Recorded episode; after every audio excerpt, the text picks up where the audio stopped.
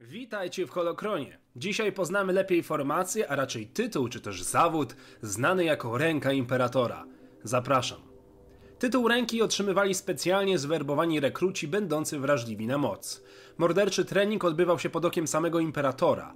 Ich celem było jedno: wypełnić misje, które zdawały się być niemożliwymi do wykonania lub wymagały absolutnej tajności. Byli szpiegami, złodziejami, mordercami i ochroniarzami w jednym. Nie było roli, której nie byliby w stanie wypełnić i odpowiadali jedynie przed imperatorem.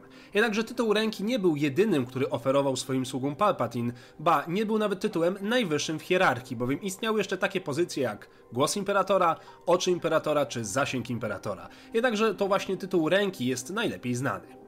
Żaden z agentów nie wiedział dokładnie ilu innych podobnych mu służy pod imperatorem. Najczęściej w ogóle nie wiedzieli o swoim istnieniu i byli trenowani oddzielnie, tak by każdy z nich uważał się za jedynego w swoim rodzaju. Imperator szkolił ich mniej więcej w tym samym czasie co Vader Inkwizytorów. Ich protoplastą był nikt inny jak Darth Maul. Lord Sif szybko dostrzegł wiele zalet w posiadaniu ekstremalnie lojalnego podwładnego, który potrafił wykonywać wszelakie maści misje.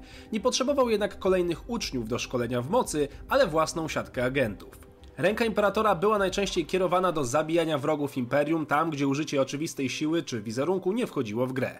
Zdradliwi gubernatorzy, wysoko postawieni dezerterzy z armii czy przywódcy rebelii albo organizacji przestępczych padali jak muchy, gdy tylko wysłano na nich jednego z agentów. Przez wiele lat tytuł Ręki Imperatora był uznawany za miano najlepszych zabójców w galaktyce.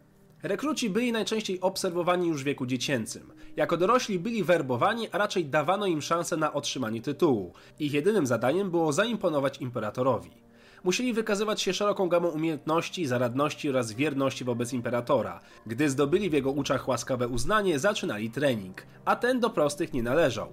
Mara Jade wspomina m.in. o bieganiu, wspinaczce, walce wręcz, nauce cichego poruszania się, pływaniu, walce w zerowej grawitacji, a to wszystko bez wspomagania się mocą, gdy nie było to potrzebne.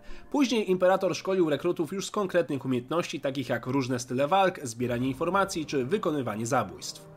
Nie przeprowadzą z nimi jednak treningów z zakresu technik Jedi czy Sithów. Co za tym idzie, nie zawsze byli to użytkownicy ciemnej strony mocy. Byli raczej niezwykle wyszkolonymi agentami, którzy instynktownie korzystali z mocy.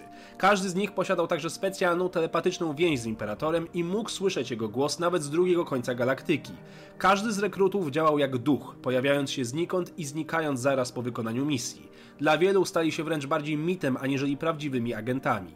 Wykonywanie misji przez rękę imperatora było dla agentów wypełnieniem obowiązku wobec nie tylko imperatora, ale i społeczeństwa. Byli bowiem przekonani, że działają w słusznej sprawie. Po otrzymaniu tytułu ręki agent miał dostęp niemalże do wszystkich zasobów informacji oraz surowców potrzebnych do wykonania danej misji.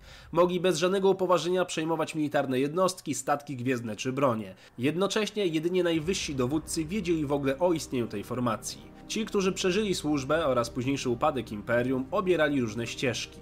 Lumia przykładowo założyła własny kult Sithów, Mara Jade natomiast została mistrzynią Jedi w odrodzonym zakonie. Znanych agentów było około 14, a ich nazwiska znajdziecie w opisie odcinka.